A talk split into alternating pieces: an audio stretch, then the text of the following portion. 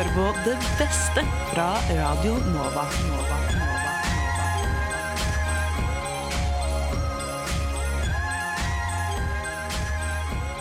Ja da, Hjertelig velkommen til podkasten Det beste fra Radio Nova uke 43. Um, Det er jo ikke rent lite hyggelig at du har tunet inn på oss her i dag, da.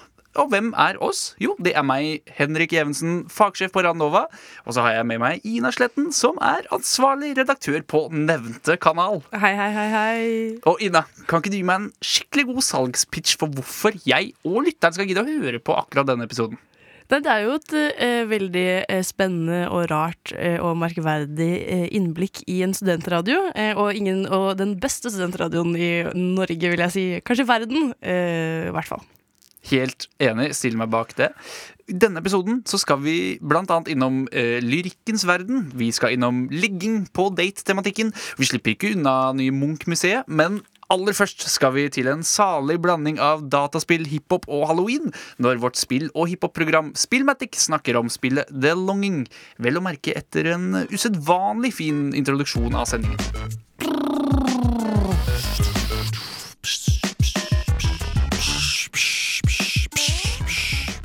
Det blåser så helvetes surt ute nå, og det regner og iser på frontruta, og det renner en dråpe med snørr ned på leppa, og strømmen er dritdyr, så fram med de teppa. Jeppa, jakka er reparert siden i fjor, sjøl om den har begynt å få klumpete fôr. Skuldra er snøhvite, heldigvis usett, og regjering har levert ræva statsbudsjett. Jepp, det er høst, ass. Vinteren er på vei. Det er cupfinalehelg, liksom. Svært dårlig tegn.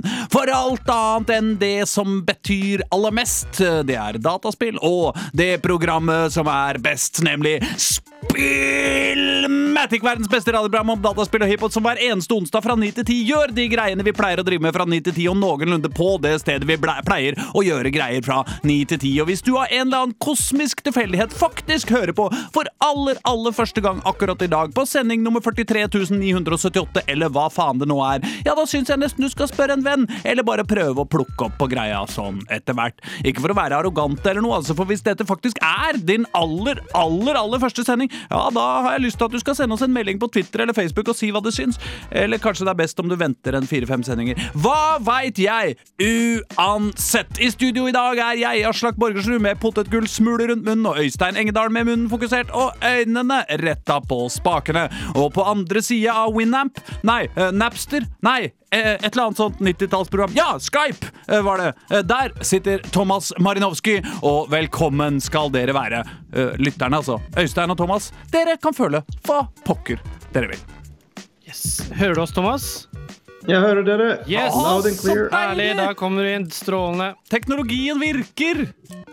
For et mirakel.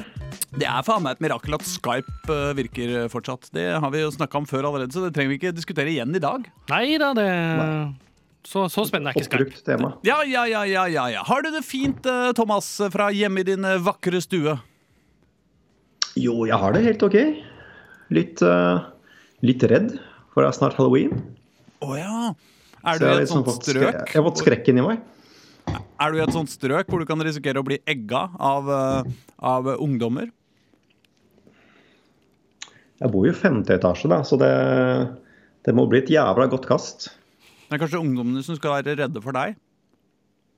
Jeg kan egge dem fra balkongen. det er faktisk jævla koselig, fordi sånn eh, nedi, nedi her i Iladalen, um, altså Ilaparken, Ja. så pleier kidsa Der er det jo masse kids, da, og de er jo kule. Altså, de, de pleier å lage sånne her hodeskaller av sånne fakler nedi, som på en måte strekker seg over hele parken. Eh, så farter de rundt der og gjør det kids gjør på halloween, eh, hva enn det er. Det er i hvert fall eh, det er et sånn sympatisk opplegg. Uh, Iladalen er koselig. Jeg Det syns du, kan vi konkludere burde- med. jeg synes du burde prøve å, å bare stelle deg på verandaen og brøle ut jeg gidder for helvete ikke ha folk på døra, men dere kan ta dette og altså, tømme en bøtte med sånn godteri utover, og så se om noen reagerer. Ja, ikke sant. Jeg syns jo tross alt det, eh, det er, det er fint eh, med godteri. Jeg Ja, barn. jeg skal gjøre det på lørdag kveld. Bra. Da oppfordrer vi alle barn som hører på, til å surre rundt i Iladalen og øh, lytte godt etter han koko-fyren i femte etasje. Problemet er at øh, det er jo mest på den tiden her så er det jo mest drita folk som øh, surrer rundt her. Det er ikke så mye barn. Uh, så de, de kan faktisk fortjene å bli egga. Ja, sånn, ja. Du kan jo prøve å gi dem godteri òg, da. De drita folka. Tror du ikke de kommer til å bli glad for det også? da? Eller egg. Eller Du egg. kjenner jo ikke forskjellen uansett. Nei, det, Rå egg. det er sant. Anyway. Anyway, hva med deg, Øystein Engedal? Har du en fin dag? Ja, helt eh, Jo da, det er en kurant dag. Eh, Litt eh, som alltid hektisk inngang til sendingen, men så er alt bra. Og i dag så har jeg vært i svømmehallen. Jeg har ikke svømt selv, men jeg har sett på unger svømme. Så artig! Ja, det er rett og slett ved undervisning, da. Så det var Ja, gøy å ta en ja. tur til svømmehallen. Ja. Jeg tror de fleste av lytterne veit at du er lærer, Ja. og, og hvis, det ikke, hvis det er noe som da igjen Du som har din aller aller første sending, Øystein er lærer. Det er helt legitime grunner til at han eh, går i svømmehallen og ser på barn. Helt greit. Så jeg fikk kjeft fra en, eh, en badevakt, bare. Så det er greit. Oh ja, hvorfor det? Ja, eh, de var litt ivrige til å ta på disse her Altså disse her i, mellom hva Ja, skal ja, si, banene. Baneskillene, Ja, liksom. Ja, ja, ja. Det var ikke du som fikk kjeft. Nei, eller jeg, vi fikk eh, kjeft på å si at han ville ikke kjefte på dem, så han var litt sånn streng og sa kan ikke dere kjefte på dem. Ja, sånn, Ja, ja. Og det, det gjorde vi, da. ja, ja, ja, Så da var det god stemning. Det er god innsats. Jeg pleier å kjefte litt på barna mine uansett om de har gjort noe gærent eller ikke. Bare så de ikke skal føle seg trygge. Ikke sant. Det er viktig, det. Det er viktig, det. Hva slags eh, sending har vi i dag, egentlig? Øystein Vi har jo en stappfull sending Ja, med alskens. Jeg tror eh, vi har i hvert fall eh, fire ulike ting å snakke om. Oi, Og det er når vi skal snakke om fire ulike ting, da er det mye. Ja, det, det, det må være mye. Ja, det er ganske mye. Eh, og da syns jeg kanskje at vi skal begynne på deg, Øystein. Fordi Ja. eh, du sitter nå tross alt nærmest. Jeg gjør det. Eh, har du spilt noe eh, artig, kjedelig, spennende eller art siden sist? Ja, jeg har spilt eh, egentlig to ting. Det første jeg ikke sier så mye om. Det. Jeg har bare spilt det som lytteren hørte på forrige uke. eh, The Longing, som Tim snakket om. Ja. Som jeg også starta opp for et par dager etterpå. Jeg har fått en kollega som hekta meg. Kjempe, altså Kralspill, jeg kan bare si med en gang, altså, det er så koselig. The. Longing? The Longing, ja. Hvor finner vi dette? Eh, jeg har det på Steam, på PC, Ja. eh, og så er det også på Switch, i hvert fall. Ja. Jeg tror Switch er best. Jeg har en kollega som spiller på Switch, han syns det er helt perfekt på Switch. Oh, ja. Det er et sånt ja. spill som, du, som spiller seg selv mens du ikke er der, og du skal bare gå rundt i en grotte og gjøre ulike ting. Og, ja, det er veldig fin stilling, altså. Oh, ja. Så det er sånn du sånn, Nå fikk jeg ikke spilt det i går, og da sitter han i en eh, hule inni der og ligger mest sannsynlig for seg selv og er litt sånn trist. Og så våkner han opp, og så er han litt sånn noe med litt sånn halvmelankolsk stemning når han våkner opp, da. Oh, ja. Men han gjør ingenting? Nei, nå gjør han ingenting, men jeg kan gjøre ting. Jeg har hatt, eh, satt med han til å lese en bok, for mens jeg gikk eh, og så en natt, for eksempel, satt han og leste hele boka. Og ja. Men hva, hvorfor eh, Å, eh, eh, den eh, er ikke det et stykke. Eh, hvorfor eh, gjorde han det? Hva hjelper det? Nei, det hjelper ingenting. Å, nei. Nei, nei, nei, det er bare at da har han noe å gjøre. Og Ja, sånn er du, det, ja. du får sånn følelse med han. Så når jeg går liksom fra han, så pleier jeg alltid å sette han fra et litt koselig sted, f.eks. Oh, ja. Uh, sånn at jeg føler liksom at ok, nå har det i hvert fall litt fint, mens jeg må gjøre andre ting og ikke kan passe på deg. ja. Men stort sett så kan jeg utforske huler, jeg kan bygge Nå håper jeg å kunne lage en seng, så han kan legge seg i sengen sin. Eh, jeg får lagd et lite bål til han. Ja, litt sånne småting, da. Det er litt sånn deprimerende perspektiv, egentlig. Ja, det er den stakkars fyren som har- ikke kan være lykkelig uten å bli kontrollert. Ja, det er veldig deprimerende spill, samtidig sånn morsomt. Han eh, venter på at sin konge skal våkne. Uh, han- kongen skal sove i 400 dager, og de 400 dager skal du spille. Men altså, du er ikke kongen, Nei, jeg er ikke kongen. Nei. jeg styrer han. så du skal gi han opp etter 400 dager. Ja, det er ingen som vet. Jeg aner Men ikke. hva som 400 dager, det er jo over et år. Ja, det er kjempelenge. Oh, ja, og du skal spille hele den tida? Ja, Oh, ja. Så det er, det er real time 400 dager. Så jeg er veldig spent på om jeg klarer å holde ut. Ja, de 400 dager. men siden det er real time, så hvis du, hvis Ja. du liksom ikke spiller på noen dager, da, så, Så- går de dagene fortsatt. De dagene går fortsatt, ja. ja. Ja. Så det er 400 dager fra jeg spilte det til jeg måtte, er ferdig, eller kongen våkner, eller hva som skjer da. da. Mm. Men eh, kan han sulte i hjel eller et eller annet? da? Nei, han spiser ikke, jeg kan tenke på det. Han har ingen, ikke noe mat, så han kan ikke sulte i hjel. Du kan ikke, må ikke passe på en måte. Nei, det er ikke noe Eh, Tamagotchi, dette. Ikke noe Tamagotchi her, så her kan du glemme en i 100 dager. Eh, og så våkner han. Jeg syns det høres hyggelig ut. Ja, Ja. det er. Men litt deprimerende også. Altså, ja, det er det. Eh, Eller det føles som et spill du ikke skal prøve å- tolke i en større kontekst. Nei, på en helt, måte helt sant. Uh, uh, På den andre sida vi, eh, De som sier vi er alle individer, de kan jo dra til helvete, tross alt. Absolutt. Radio Nova. Ja, det var vårt dataspill- og hiphop-program Spillmatic, som du hører hver bidige onsdag mellom klokka ni og ti på kvelden. Og ønsker du å bli fast lytter, så kan du abonnere på deres podkast i din foretrukne podkasttjeneste, da. Og Ina, vi satt jo og snakka litt om eh, data og videospill mens vi hørte på dette klippet. Hva er, det du, hva er det du gamer for? Jeg har skjønt at du er litt av en gamer, på å si. Jeg er veldig glad i eh, open world, litt sånn historiebasert historiebaserte spill. Jeg liker å bruke kjempe, bare sånn hengi meg i et univers og bare bli en del av det. For eksempel bare bruke liksom 40 timer på å ikke egentlig gjøre historien som er ment for spillet, men gå rundt i hele verden. Så vil, et av mine favorittspill er jo sånn The Witcher 3, for eksempel. Eh, men også det siste også, Men jeg er blitt veldig glad i de nye Spiderman-spillene. For da egentlig bare kaster du deg gjennom byen og gjør masse hyggelige ting. Jeg synes det er skikkelig koselig. Hva med deg, Henrik? Eh, Jeg er jo en Switch-gamer, men jeg sliter litt med å finne spill som faktisk fenger. Så det her The Longing-spillet de snakka om, det er noe jeg skal vurdere å skaffe meg. i hvert fall Det høres veldig koselig ut på en måte. Hva er det som virker eh, appellerende ved det? Det virker så meningsfullt å spille det, fordi man må sørge for at den karakteren har noe å gjøre. Det virker så hyggelig. Man er en slags gud. Hvis jeg, ikke, hvis jeg er lat og ikke spiller 100 dager, så kjeder den karakteren seg. Å nei! Ja. Og du føler deg trengt? Ja, ja, rett og slett. Jeg trenger noen uh, som jeg kan være en omsorgsperson for. Har du prøvd Nintendogs, for eksempel? Ja, ja, det spilte jeg da jeg var liten. Det var greit. Men det var litt kjedelig å måtte vaske hunder. Det var sånn den beste delen! Ah, ok, ja vel. Men i hvert fall, Spillmatic, vårt uh, flaggskip, dataspill og hiphop-program her på Radnova, de er dritkule. Eh, ta og Sjekk dem ut på podkast. Det anbefaler jeg deg. Fra dataspill til ligging betyr tredje date at man bør forvente sex. Jeg vet ikke, for jeg har ikke vært på date på over ti år. Men uh, Tone, Sondre og Embla i Baklengs inn i Lånekassa, ja, de tar saken for oss. de. Baklengs inn i Lånekassa. På Radio Nova. Betyr tredje date at man bør forvente sex? Er usikker på hvor frempå jeg kan være. Og ja, han vil, eller hun vil ha sex, liksom. Ja, Alle Eh, antar at det er han med en gang. Men eh, tredje date betyr absolutt ikke at det må bli sex, nei. Nei, den, men det føler jeg bare sånn Det er nesten obvious. Man kan aldri forvente sex, føler jeg. Ja, ja, nei, 100% enig, men det blir jo litt kjedelig hvis vi bare skal være enige her. Da, så vi må Ja. prøve å se litt nyansert på det.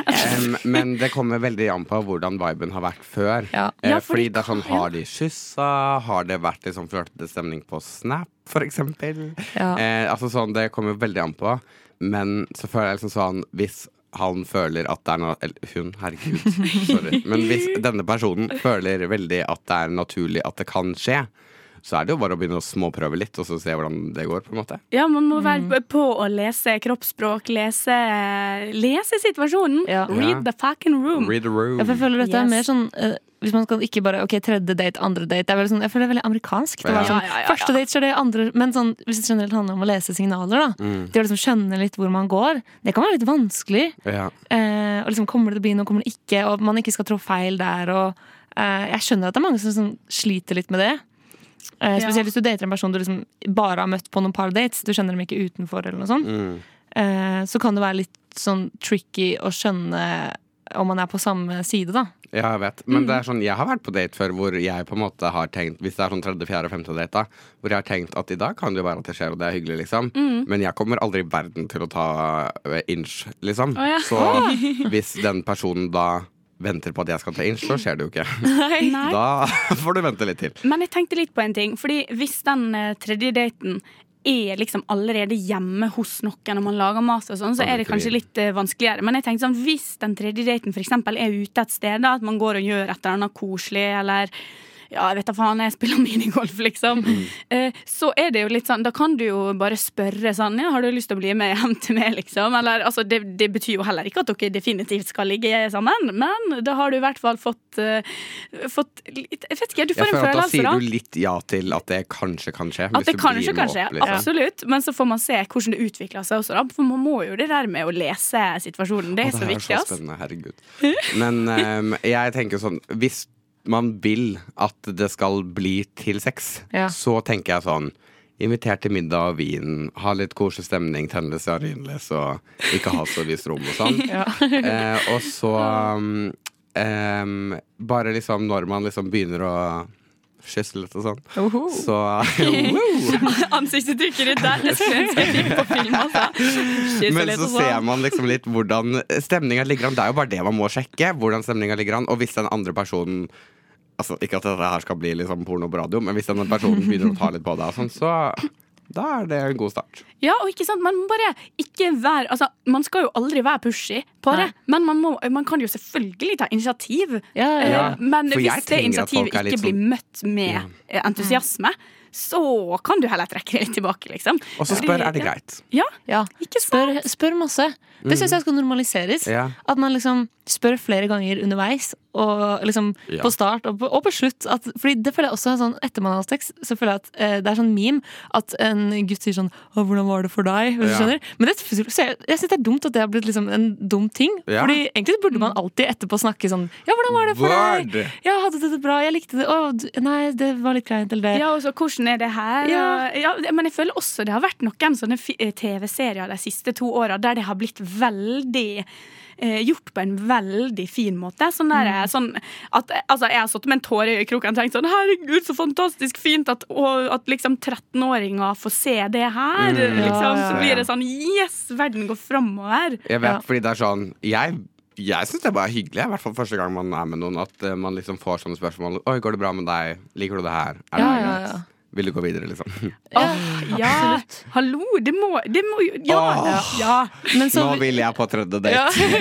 Men hvis du er på tredje date, da, og du er litt usikker på er det hva kan jeg forvente sex som denne personen sa, så er det jo på en måte lov å spørre. Bare Ikke på en creepy måte, men være litt sånn Hva tenker du, Går dette greit? Eller hva, har du lyst til dette? Eller at man har en god kommunikasjon på det. At man ikke bare skal være sånn kul og, og alt skal ligge mellom linjene hele tiden. Ja, Ja, for nå ser jeg for meg liksom. sånn Ja, for nå føler jeg sånn Hvis man ikke kan spørre, hvis man på død og liv ikke tør å spørre, så får jeg nesten sånn der parodisk bilde i hodet av at man liksom skal prøve seg på en veldig sånn der eh, textbook-måte. Det kan jo bli dritrart og dritkleint. Det er jo mye hyggeligere hvis du bare Og hallo, sex er kleint, og Ja. spesielt første gang med en person. er Det er kleint. Og da får man bare stå i det, på en måte. Og, og liksom Herregud, spør litt, le litt. Altså, det Ja. er hele poenget, på en måte. Og det er det som gjør at det blir bra. Ja.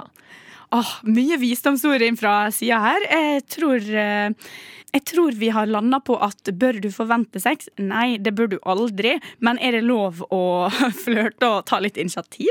Absolutt. Men bare read the room og se på partneren, hva de har lyst til.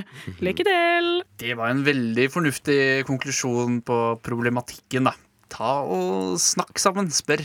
Men det kan jo være utrolig ubehagelig å spørre om sånne ting hvis det er snakk om date nummer tre òg. Ja, men det er vel også den eneste måten man kan bli bedre kjent på, da. Det er sant, det. Når man det er først sant, det. Skal det bli en date fire, på en måte? Jeg vet ikke. Mulig å si, men jeg er helt ute av det gamet. Men det er kanskje like greit, eller? Ja, jeg, det er ikke noe jeg savner i det hele tatt. Jeg syns bare det er stress. jeg. Det ender jo bare med skuffelse nesten alltid. Nesten alltid. Helt til man treffer blink, da. Ja, som du har gjort. Ja, eh, og samme forhold har jeg til Pantelotteriet. Jeg, jeg har meldt meg helt ut av det, for jeg vinner aldri. Men hadde jeg fortsatt å spille på det, kanskje en dag hadde jeg blitt millionær. Hvem vet. Hvem vet? Vi må videre i sendingen, og vi er så heldige at vi har et kulturprogram som har sending hver eneste ukedag mellom klokken ni og ti. Og Skumma kultur heter dette programmet. Og sist uke hadde Melinda, Kristin og Tuva besøk av en 100% ekte og moderne heks i studio. Og det er jo nesten ikke til å tro at det går an, men det skjedde faktisk. Der hørte du Gazelle Twin med låta 'Belly of the Beast' her i Skumma kultur. Og nå har jeg, Melinda og Kristin og Tuva fått med en gjest i studio. Velkommen, Sandra! Tusen takk. Det er så hyggelig at du vil komme til oss og snakke om butikken som du er med og driver. Coven Lunatic. Mm, det er koselig at jeg fikk komme. Ja. Kan du fortelle litt eh, om hvordan type butikk Coven Lunatic er? Coven Lunatic er jo faktisk en heksebutikk.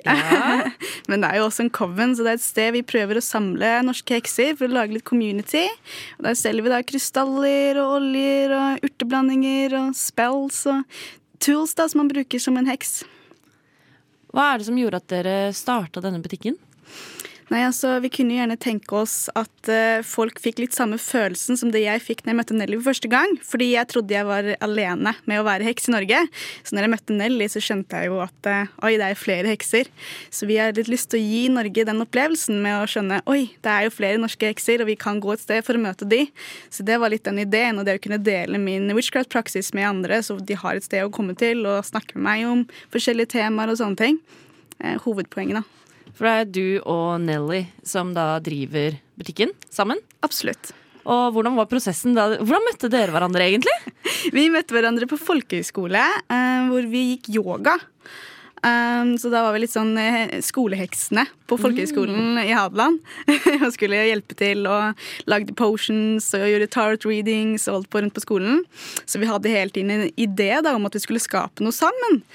Um, og så ble det litt satt på pause, for man tenker at man ikke kan gjøre sånn. Man tenker at det, Men det går jo egentlig ikke. Kan ikke bare starte sånn. Kan ikke bare være en heks. Det kan jo ikke være det. så vi prøvde oss da som vanlige mennesker i barnehage, og sånne ting, men skjønte fort at det her var veldig utmattende, og ikke gjorde vi det vi elska, og ingenting. Så det, når det var lockdown, så begynte jeg å selge intention oils på øh, Instagram. Um, og så skjønte jeg fort at her var det jo et marked, uh, og da ble Nelly med på skuta, fordi jeg klarer ikke å laste der alene. Uh, jeg må ha hennes drivkraft, for å si det sånn. Mm. Og så begynte vi å kjøpe litt uh, krystaller og selge på Instagram, og så ser vi at det bare ruller og går. Så da lager jeg en nettbutikk, og det bare ruller og går. og det er ikke noe motstand, det bare, det bare ruller og går av seg selv. Uh, så vi, vi, var innom en sånn rute på om vi skulle ha et ordentlig stort lokale, og sånne ting, men vi hadde jo ikke et stort depositum, og sånne ting, så det tok litt tid. Men så bare ruller dette flotte lokalet for en ålreit pris rett i fanget vårt, og vi kjenner hun som eier det, så det var en sånn super deal.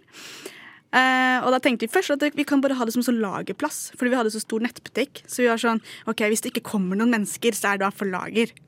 Og så har vi åpning, da, så møter du opp eh, sånn fire timer lang kø og alt som er der. Helt sinnssykt. Ja, fordi den responsen da dere åpna butikken, var jo enorm. Ja, ja, ja. Helt sinnssykt. Vi, var, vi, vi, vi fikk angst. Jeg, jeg sa til Nelly det er kø, og hun bare nei. Og vi gikk og gjemte oss. Vi bare nei. Det her ble for mye for oss. Men det var veldig koselig. Vi ble helt bare overvelda av responsen. Vi forventa ikke det i det hele tatt. Så litt sånn eksponeringsterapi for oss to. Ja. si sånn. Og dere har liksom gått fra å tenke at å, jeg er eneste i verden, til å se at eh, folk er villige til å stå fire timer i kø for å være med på det her. Det er utrolig kult. Ja, absolutt. Hadde du noe du ville si, Tuva? Jeg bare syns det er eh, gøy. Jeg så jo på TikTok den dagen dere åpna. Masse videoer av folk som sto i kø også. Jeg fikk ikke dratt den dagen, men det var skikkelig trist. For det var sånn, det var bare sånn Jeg fikk sånn community på TikTok også, som bare viste meg sånn Se så kult det her er. Se så mange som er i kø. Dette blir bra. Det er bare så fett at man kan gjøre sånt i Norge også, da. For det er kanskje sånn man tenker man ikke har community for i Norge. Absolutt. Jeg trodde jo ikke det kom til å være mange hekser. Vi var sånn, vi lager 22 goodiebags, men det er ikke sikkert alle de blir delt ut. da. Så kanskje alle som kommer innom, i hvert fall får goodiebag, tenkte vi. Og så var det bare sånn første prosenten av menneskene som kunne få goodiebag i det hele tatt. Og de campa jo ute på gata. De satte seg ned, og, jeg bare er sånn hva er det som skjer? Og det var en kid fra barnehagen min som sto der i tre timer med mammaen sin. Han er seks år og så på YouTube, og jeg måtte jo ut for å hilse på han hele tiden. For å sørge for at det gikk bra. Men eh, hva slags folk er det som kommer innom eh, butikken deres? Hva er liksom spennende fra liksom sånn hardcore witches til folk som bare er liksom opptatt av krystaller? Hvem finner man i butikken deres? Man finner alt. Man finner besteforeldre som har med barnebarn. Man finner snekkeren som kommer etter jobb for å, noe som eh, skal hjelpe til å kontakte guiden hans. Vi finner mm. barn, vi finner mødre, vi finner tanter. Vi finner alt, altså.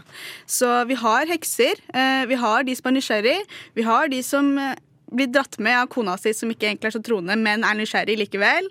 Altså, vi har veldig bredt. Eh, størst målgruppe er kanskje 17 til eh, 24 kvinner. Eh, men uansett, vi har de fleste innom i løpet av en dag, altså. Kult, kult. Det er veldig kult. Tuva og jeg tok oss turen i går og var innom butikken. Det gjorde vi. Det var eh, Vi, vi- snakka om det da vi kom, eh, kom inn dit, at vi ble litt sånn Vi ble så rolige. Det Ja, var sånn Atmosfæren var veldig sånn Med en gang du kommer inn, så blir liksom skuldrene dratt ned og Du ble veldig sånn dempa. Mm, absolutt. Så det var en veldig, veldig hyggelig butikk å være i. Og så følte jeg, sånn som jeg som er veldig ny til dette og ikke kan noe om det, jeg ble jo tatt godt imot. Og fikk forklart, da var det ikke du som var på jobb, men eh, Nelly, og eh, forklarte jo rundt krystallene og det som vi så på, og det var, det var veldig hyggelig. Absolutt. Jeg ville bare si det. Koselig. Vi skal snakke mer med deg og litt om dette moderne heksene. Hva er det? Eh, Men først så skal vi høre på å, s- Åh, skal jeg prøve å si en sangtittel? Synte Sonata av Silogad. med låta Jesus Christus, kanskje via Circuito med Jardi. Vi fant ut nå at vi vet ikke hvilket språk han synger på. Og hvis det er norsk, så er det litt flaut. Vi skal høre Nem Kaldi av Deria Ildirim og Gru Simse. Skumma kultur. Alle hverdager fra 9 til 10 på Radio Nova. Vi har greie på musikk. Skumma kultur var det, med Melinda, Kristin og Tuva, som hadde besøk av en helt ekte heks i studio. Eh, Og Ina, ikke ta dette ille opp, men jeg er helt sikker på at du, hvis du hadde levd for sånn 400 år siden, kunne blitt tatt for å være en heks. Det tar jeg som et kjempestort kompliment. Men hva er det med meg som er heksete? Du har noe Du, virker, du er ganske vis, du er klok, oh. du har en gammel sjel, får jeg inntrykk av. Så jeg føler også at du kunne sitte hjemme og lagd potions og spells oh, og brukt dette for folk. Det setter jeg veldig stor pris på. Jeg tror eh, ikke du hadde vært eh, heks. Jeg tror Eh, ikke det, jeg heller. Back in the day. Hva hadde jeg vært? Jeg ser for meg at jeg kunne vært en sånn Trell. Nei, jeg vil, jeg vil være en eh, Hva heter det? En smier? Smed? En smed? ja. En, uh, ja, altså sånn du smir jo lyd i dag. Jeg smir du lyd i dag. kunne vært en er. jernsmir. Det er ikke En sånn, hva heter de som uh, drev og sang sånne sanger og spilte på lutt og sånn? Ja, de som spilte skillingsviser. Ja, Ha. det er deg. En, uh, såkalt musiker. jeg kunne vært en musiker, jeg. Det kunne du vært. Men det kunne jeg faktisk vært på ekte. Ja, det tror jeg. Men jeg valgte å jobbe med radio, og se hvor dette har tatt meg. Hit til frivillighetens storstue her midt i hjertet av Majorstua. Sånn er det. Sånn er det. Du lytter til Radio Nova. Hva slags bil ville Edvard Munch ha kjørt? Hva tror du, Ine? Jeg syns det er vanskelig, fordi ikke at jeg kjenner Edvard Munch personlig, men eh, jeg føler han enten hadde gått for eh, la oss si en sånn liten sånn buddy-type bil, hvor alt er veldig lite og praktisk, eller så hadde han gått for sånn jo, noe jævlig klyste, føler jeg. Han var jo sånn mann som fant opp selfies, liksom. Så du tror han ville kjørt svenske Polestar? Det er jo det åpenbare øh, å tenke i denne situasjonen, er det ikke det? Kanskje for dere som kan masse om bil. Jeg kan ikke mye om bil, men Theis og Marit i morgenprogrammet Frokost De kan noe om bil. Men de setter altså spørsmålstegn ved kommunikasjonsbransjen, som skal ha det til at Edvard Munch garantert ville kjørt svenske Polestar. Markedsføringsbransjen, det er en snurrig bransje. Snurrig og kynisk. Der er det mye spinning, det er mye rar kommunikasjon og rare ting som forsvares og ytres. Og jeg syns av og til at kommunikasjonsbransjen blir en parodi av seg selv, altså. Og fortell mer, Theis. Takk, Marit. Du graver som en god journalist. Eh, Det har nettopp åpnet et nytt museum i Oslo som heter Munch. Munch? Munch. Munch. Munch heter det. Eh, Og det, er, eh, det har skjedd en litt sånn merk, et litt merkelig samarbeid, syns jeg. Oh. For de som var på Munch-åpningen i helgen som var, og uka som var, så kunne man se at det sto Fordi at i området rundt så er ikke det er ikke lov å parkere der. Men der sto det jaggu to elektriske biler. Ok. Fra Polestar, som er da en svensk eh, elektrisk eh, bilprodusent. En del av Volvo-konsernet, tror jeg. Oi. Eh, og det viste seg da at jo da, det er et samarbeid mellom Polestar og Munch. Det er litt Eh, snurrig. Men det som gjør det enda verre, er når du leser pressemeldingen. Og jeg tenkte at jeg skal bare lese det som en reklamefilm. Eh, Så dette er da direkte sitat fra pressemeldingen med eh, overskriften 'Munch pluss Polestar utfordrer normalen'. Og dette er da et direkte sitat fra direktør ved Munch, Stein Olav Henriksen. Så han er sjef for Munch. Han har da sagt følgende, sitert på følgende i pressemeldingen fra, fra Polestar. Munch pluss Polestar er et overraskende, men allikevel naturlig samarbeid. Polestar er langt fremme hva gjelder innovasjon, teknologi og ikke minst bærekraft. Samtidig har de en lidenskap for visuelt uttrykk, kunst og design, som er helt i tråd med Munch sine verdier. Edvard Munch hadde en stor interesse for tekniske nyvinninger, og jeg er ganske sikker på at hvis Munch hadde levd i dag, så hadde han nok ervervet en Polestar!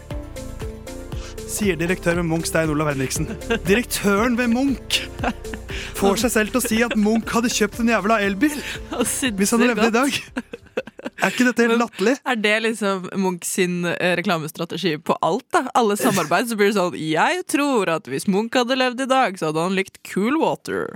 Det er, det, altså det er jo helt, det er jo helt sjukt. Og jeg, har, jeg sa jo tidligere at jeg har begått satire. Ja. Noe, dette er satire i seg selv. Og jeg lurer nå på Jeg har prøvd å lage to andre typer sånne reklamer som dette. Åh, deilig. Eh, hvor jeg da lurer på, Marit, om det fremstår mer ekte og mer, eh, mer bra enn det drittet her fra Munch og Polestar.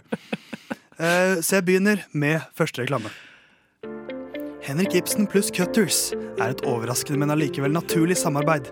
Cutters er langt fremme hva gjelder hår, bart og samfunnsaktuelle temaer, og ikke minst skjeggbehandling. Samtidig har Cutters en lidenskap for arbeidernes rettigheter, naturlige hårfarger og hårsveiser som får deg til å se eldre ut, som er helt i tråd med Ibsens verdier. Henrik Ibsen hadde stor interesse for tørre hårstrå og lettvinte løsninger uten smalltalk, og jeg er ganske sikker på at hvis Henrik Ibsen hadde levd i dag, så hadde han klippet håret sitt i en av Cutters sine salonger. Den sitter, den. Den sitter. Ja. den eh, kjøper den, jeg. Er, kjøper du det mer enn du, en, eller mindre enn Munch pluss Polestar? Cirka likt. Cirka likt? Mm. Jeg har en til Ja. som jeg har enda mer tro på. Hør på den. denne. Roald Amundsen pluss Red Bull Winter Edition er et overraskende, men allikevel naturlig samarbeid. Red Bull er langt fremme hva gjelder eventyr, halsbrekkende stunts og ikke minst ekstrem aktivitet i vann. Samtidig har Red Bull lidenskap for vinter, vinger og en energisk livsstil som er helt i tråd med Amundsens verdier. Roald Amundsen hadde en stor interesse for litt ekstra energi i hverdagen, og jeg er ganske sikker på at hvis Amundsen hadde levd i dag, så hadde han nok kost seg med en iskald Red Bull Winter Edition. Ja, den vant. Ja. Jeg syns det er mye mer autentisk og realistisk enn fuckings Munch og en elbil. Så eh, Stein Olav Henriksen og Munch-museet, dere må skjerpe dere. Kan ikke holde på sånn.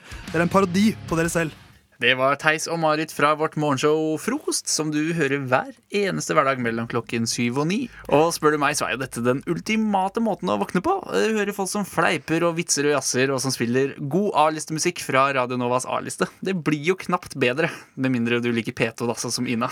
Jeg bare liker å bli, få repetert eh, fire ganger hva som er de største nyhetene Ja. akkurat i dag. P2 Morgen er jo nyhetssending som blir avbrutt av en nyhetssending, som blir avbrutt av Dagsnytt, som blir avbrutt av en nyhetssending. Ja, akkurat det jeg vil ha. Jeg vil ha en hard og brå og eh, innholdsrik Ikke at jeg sier at frokost ikke er innholdsrikt. På ingen måte. Det skal vi Absolutt ingen måte. ikke ha- Det skal jeg ikke pålegge Nei. dem i det hele tatt.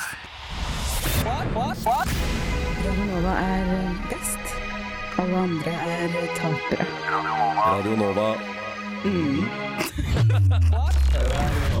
Vi skal helt til slutt inn i lyrikkens eh, verden, for tekstbehandlingsprogrammet de snakket sist uke om eh, diktsamlingen 'Jenter på do' av Ida Loren Ringdal. Tekstbehandlingsprogrammet når du vil lese med øra. Jeg må jo si at jeg syns det var eh, gøy at Johanne anbefalte 'Jente på do' av Ida Lorien Ringdal. For det er jo nettopp den vi skal snakke om nå. Ja! vi- Den har jo begge vi to lest. Ja, vi har jo begge lest den! Men hva syns du, Arthur? Er du enig med Johanne? Er den sinna? Ja. Kanskje ikke sinna, men mer sånn de, det, um, Hva er det heter igjen? Uh, Passiv-aggressiv, kanskje? Oi, Litt mer sånn, ja. typisk kvinnete. Ja, ekstremt kvinnelig, denne her. Altså. Nei, nei. nei, nei. Men eh, ja, den er jo relativt sinna. Den har jo veldig god Ja, den har jo veldig Ja, en sint tone. Ja, jeg merket at jeg i hvert fall jeg ble, jeg ble inspirert, jeg ble motivert, jeg ble kampklar. Ja. Det var, den bygde seg liksom opp sånn fra på en måte begynne i det små det, På en måte kronologisk, følte jeg, med Mm. at man er et barn, ungdom, finner ut av det, til å bli eh, voksen, da, og bare dritsur på eh, alt man har måttet gå gjennom, fordi det Mm. fordi samfunnet er sånn som det er, da. Strukturen i samfunnet er sånn som det er. Ja, jeg føler jo Hun skildrer jo veldig godt den reisen fra eh, eh, barn til heks. For det er jo et interessant uh, aspekt. Den går ganske inn i det okkulte og det mytologiske litt, spesielt i de siste Altså på ja, det siste segmentet, da. Den er på en måte delt eh, i to. Eh, jeg, jeg oppfatter det som en slags sånn eh, re reclamation. Ja, mm. at, man, eh, ja at man liksom gjen, eh, gjentar makten over sin egen eh, skjebne, på en Ja, måte. tar tilbake ordet heks. Mhm. At eh, kvinner de, de er hekser og kan være hekser og skal være hekser og skal samle seg og stå i sirkel og Mm. messe og, og, og knuse menn. Ja, det, det er litt sånn jeg, Det er litt den Blir du eh, redd? Nei, egentlig ikke. Jeg blir ikke redd i det hele tatt, egentlig. Men uh, det er litt sånn det uh, Noe av det inntrykket jeg hadde da jeg leste boken, var på en måte at jeg bare satt og på en måte leste uh, på en måte en oppskriftsbok på liksom hvordan Ja, hvordan bare slå tilbake igjen, da. Eller bare på en måte eh, svinge med armene og uh, hevn, liksom. Hevn, rett og slett. Så jeg får, jeg får definitivt det inntrykket der. Og det okkulte er også en veldig interessant vinkling av den boken her, mye av all historien med heksebrenning og mm. Jeg syns det er kult at hun eh, bringer så mye uh, på en måte esoteriske og ja, som du sier, okkulte elementer inn i Ja, diktsamlingen sin. For den er, den er jo full av referanser, og altså Mm. direkte referanser til heksebrenning, og spesielt i, ja, i Norge, da, med, med Mm. navn og, og stedsnavn. Og eh, det er proppfull av referanser og, og eh, intertekst. Eh, mange kvinnelige forfattere og kunstnere og andre som det er verdt å vie plass til, da, som for eksempel Audre Lorde, eh, eh, Angela Le Guin, Maya Angelou, Sylvia Plath. Sylvia Plath. Mm. Ja, det er, eh, det er, det er gode referanser. Pippi. Pippi, ja, ass. Det er Jeg, følte, jeg lærte mye også Ja. av å på en måte skulle søke opp eh, forskjellige personer og også mytologiske skikkelser. Mm, ja, hun snakker jo mye om sånn Medusa og Men eh, det, jeg, du snakka om det i starten, at eh, eh, det var en veldig sånn kronologisk sånn OK, jeg er, jeg er ung, jeg er liten, og så på en måte eh, går jeg gjennom den eh, går, går jeg gjennom samfunnet, eller eh, Og produktet er på en måte en sånn person som bare har lyst til å liksom øh, Bare slå tilbake igjen, på en måte. Eh, og jeg vil si at jeg eh, likte diktene bedre jo lengre ut i boken de kom. Jo på en måte jo mer okkulte de ble, og jo mer på en måte uh, Litt særere også, kanskje? ja, de ble liksom Jeg føler at eh, i starten av boken så ble det litt sånn Litt sånn cut and paste, kanskje. Litt sånn Jeg følte Den begynte veldig snilt. Mm. Hadde du en favorittbit? Eller noe du vil Eh, trekke ja. frem? Ja, jeg, ja, jeg, jeg har flere ting jeg vil trekke frem, egentlig. Både favorittbit og på en måte ikke favoritt. Ja. Eh, men eh, jeg kan starte med det positive, da. Jeg syns den derre uh, 'jeg er så sint når jeg er søt'-linjen er veldig bra. Uh, den er veldig sånn det, det, det minner meg om alle gangene eh, jenter har blitt sure på meg for at jeg har kalt dem eh, søte. og da har de vært sånn ikke kall meg søt! Og det er litt sånn Jeg syns det var en veldig Det var en bra linje. Det var relaterbar for deg. Ja, det var, ja, var fin for meg å relatere meg til. Og så er det veldig bra at hun sier at hun er sint eh, når hun er søt, fordi at jeg har ikke liksom inntrykk av at hun er veldig søt fra å lese den diktsamlingen her, på en måte. Hun virker definitivt mer sint, så kanskje hun Ja. Men eh, eh, Og det syns jeg var en veldig bra linje. Og så syns jeg også It's Been So Long, eh, et dikt eh, der hun eh, skriver på en måte om at eh, all, all undertrykkelse eh, skaper krig, og at eh, eh, den feministiske revolusjonen på en måte er en eh, eh, er et selvforsvar som gjør at all krig slutter. Jeg, jeg føler at hun på en måte refererer til at det er menn som eh, stort sett driver eh, med krigføring. Så jeg syns det det var en veldig effektiv måte å fremstille det på. Mm. Eh, og så syns jeg også den derre høflige jenter som fantaserer om å kvele en mansplainer mens de onanerer. Bare en ganske Bare morsom. Ja, ja, ja. Det er en morsom, morsom linje. På kornet, altså. Ja, ja. Nei. Så jeg, synes, jeg tror kanskje min, eh, mitt uh, favorittdikt var eh, eh, fra det tidligere, det snillere, Mm. uh, som het, det 'Jeg leser', på side 14. Eh, for det var så veldig om, om hvor viktig det er med å kunne kjenne seg igjen i litteratur, og da spesielt som barn. hvor viktig det er med, med sterke kvinnekarakterer. Den går jo liksom inn altså Der blir på en måte intertekst. Hun, hun de, de, de, føler seg ikke helt i pass i kroppen sin, føler seg ikke helt Mm. i på en måte alt, og så er det bare masse referanser til eh, kvinneskikkelser som Ronja Røverdatter og Pippi Langstrømpe og, og flere, Mm. da, som hun eh, ble, kunne være forbilder da, som barn. Jeg syns det var et, et Ja. flott dikt. Det er fint at det også er plass til det, og denne sinna Mm. Eh, men jeg, jeg nevnte jo tidligere at jeg, jeg likte på en måte diktsamlingen bedre jo lengre ut den kom. Og det er, grunnen til det er at eh, et, av, eh, et av hovedtemaene hun på en måte eh, fremlegger i starten av diktsamlingen, er kroppspress. Og jeg syns hun fremstiller det på en ganske sånn ignorant måte, egentlig. Eh, jeg syns hun fremstiller det på en måte som at det er et kvinneproblem. Det, det tar jeg meg litt nær av, egentlig. Bare på grunn av at jeg vet hvor utrolig mange menn det er som sliter med usikkerhetsproblemer, liksom. Det er en epidemi av det. Så jeg Mhm. syns det var litt sånn um, Nei, jeg syns det var litt sånn teit fremstilt, egentlig. Ja. Ja. Mm. Det er bra med litt uh, kritikk også. Men Ja. alt i alt, for å avslutte, hva føler du? Eh, bra tilskudd til eh, bokhylla og norsk eh, samtidslitteratur? Ja. Ja. Enig. Ville du anbefalt den videre? Ja. Spørs kanskje ikke til uh, guttevennene mine. Jeg ville anbefalt den til guttevennene dine.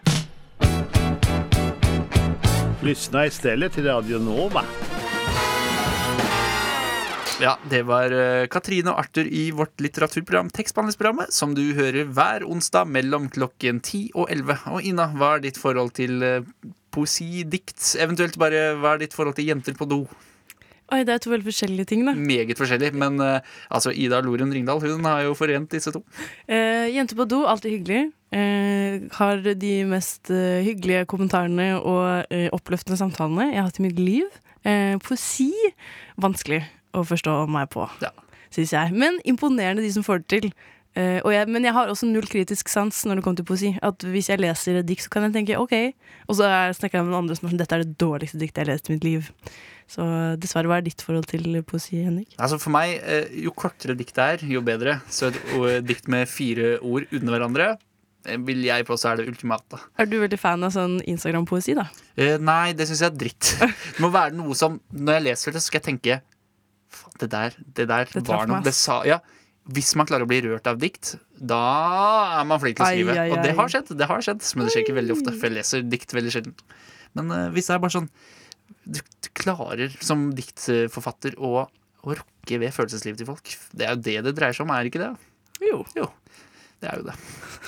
Men det var det vi hadde for deg i dag i podkasten Det beste fra Radio Nova. Men fortvil ikke, for de aller fleste programmene våre finner du jo som podkast. Så det er jo bare å søke dem opp i Spotify eller Apple sin podkasttjeneste. Og liker du podkasten Det beste fra Radio Nova, så er det bare å abonnere på denne podkasten, så får du vite når vi kommer med podkast som skjer én gang i uka. Eh, Og fortell gjerne en venn om at vi fins, hvis du kjenner noen som lurer på hva Radio Nova egentlig holder på med om dagen. Og hva er det vi egentlig holder på med om dagen, Aina? Nei, vi lager eh, veldig god underholdning for det, alle i Oslo og omegn. Og mest, først og fremst studenter. Først og fremst studenter. Ok. Ja, ok, ok. Er du student og ikke eh, Er du ikke student og hører på dette? Å, Kom deg bort. Kom deg bort. Nei da, vi elsker dere alle som en. Alle som en. Og med det så gjenstår det jo bare for oss å ønske deg en flotters dag videre, og så høres vi igjen neste uke. Ha det på ballet! Ha det bra! Du Du hø hø hører På på Radio Nova.